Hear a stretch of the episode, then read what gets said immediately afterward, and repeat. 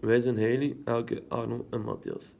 We hebben het onderwerp hoe komt het dat het mentale welzijn van jongeren zich beïnvloedt met sporten. Dit is wat we vandaag gaan bespreken. Word je minder onzeker als je sport? Wat gebeurt er met de hersencellen als je niet sport? Zit er een verschil tussen man en vrouw? En zit er een verschil tussen jong en oud? Dit waren de onderwerpen. Hebben jullie er zin in? Wij alvast wel. Word je minder onzeker als je aan sport doet? Ja, uit onderzoek is gebleken dat mensen die niet sporten vaak onzekerder zijn, omdat ze hun lichaam niet mooi vinden. Welkom bij de club. Natuurlijk is het raar dat we elkaar beoordelen en veroordelen op basis van elkaars lichamen. Zeker als je bedenkt dat je lichaam, dat je, je lichaam niet kiest. Je kan onzeker worden omdat andere mensen er beter uitzien als jou. Of je vindt de kleren van een ander mooier. Dit zijn de meest voorkomende gevallen van onzekerheden.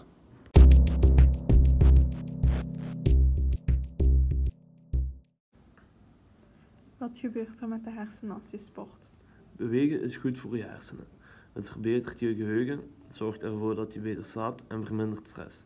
Daarna verkleint bewegen het risico op hersenaandoeningen, zoals dementie, depressie en Parkinson. Door beweging verbetert bovendien de werking van signaalstoffen. Hierdoor gaat de communicatie tussen hersencellen steeds soepeler. Tijdens sporten verhoog je de bloedtoevoer naar het hart.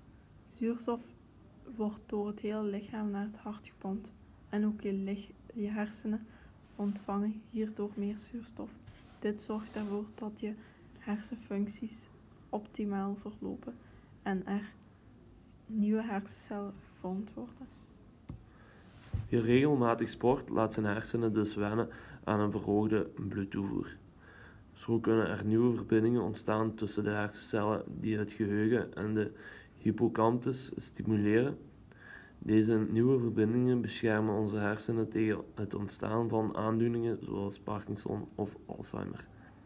Diverse onderzoeken wijzen zelfs uit dat wanneer de verbindingen elke dag gestimuleerd worden, het mogelijk is om de effecten van veroudering tegen te, gaan en beroertes te voorkomen. Beweging zorgt er namelijk voor dat de productie van hormonen en groeifactoren die betrokken zijn bij de verjonging en het herstellen van de hersencellen gestimuleerd wordt.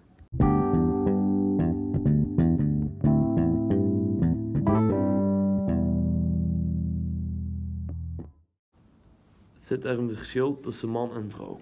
Tussen mannen en vrouwen bestaan zichtbare, maar ook minder zichtbare verschillen. De zichtbare verschillen zijn voor een deel verantwoordelijk voor de verschillen in fysieke prestatievermogen. De minder zichtbare verschillen zijn het meest interessant voor de verklaring van ongelijke prestaties in eigenlijk alle vormen van sport, zoals bijvoorbeeld krachtsport, sporten waarbij snelheid doorslaggevend is, en duursport, waarbij het uithoudingsvermogen zwaar telt.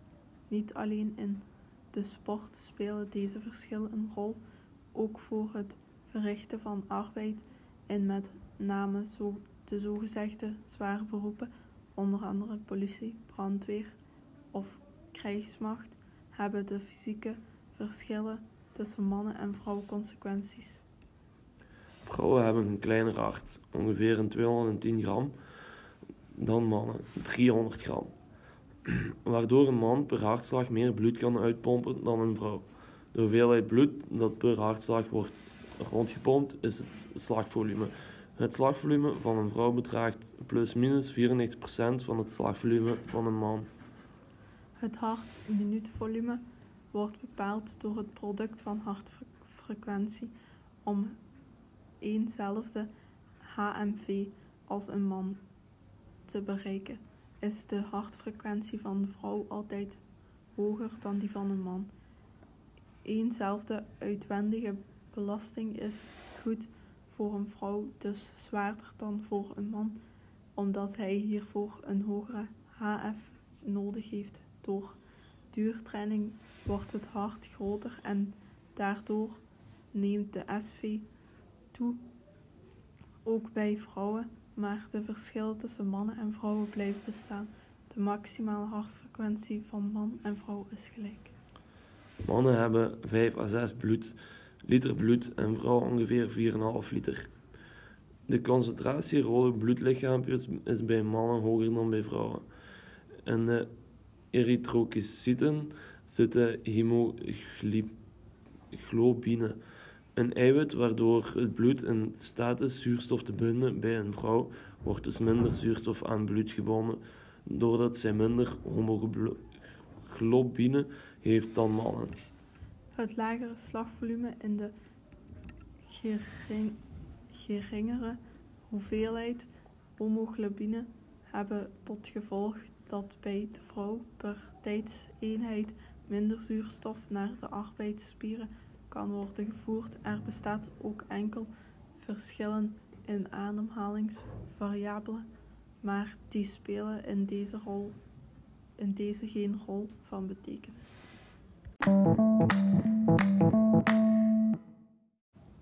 Zit er een verschil tussen jong en oud? Er zal altijd een verschil zijn tussen jong en oud.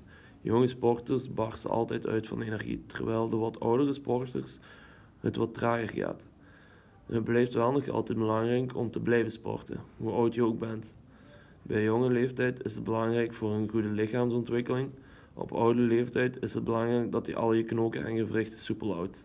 Ons oud uithoudingsvermogen behouden we iets langer dan onze kracht, maar ook dit neemt in de loop der jaren af.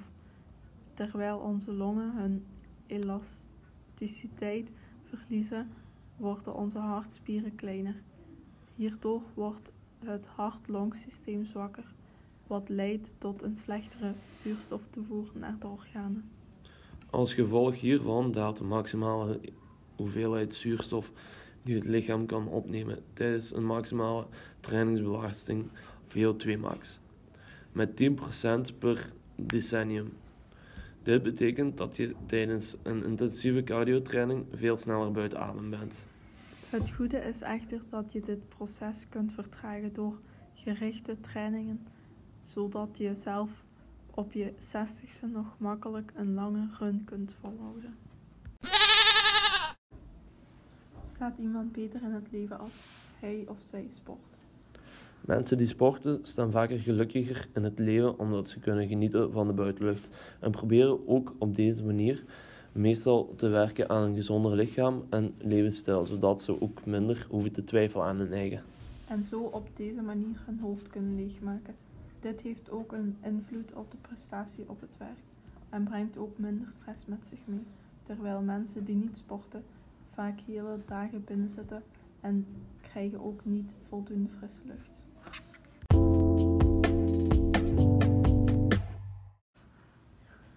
Hopen dat jullie het leuk vonden en dat jullie iets bijgeleerd hebben. Ik overloop nu even de belangrijkste punten. Word je onzeker als je niet sport?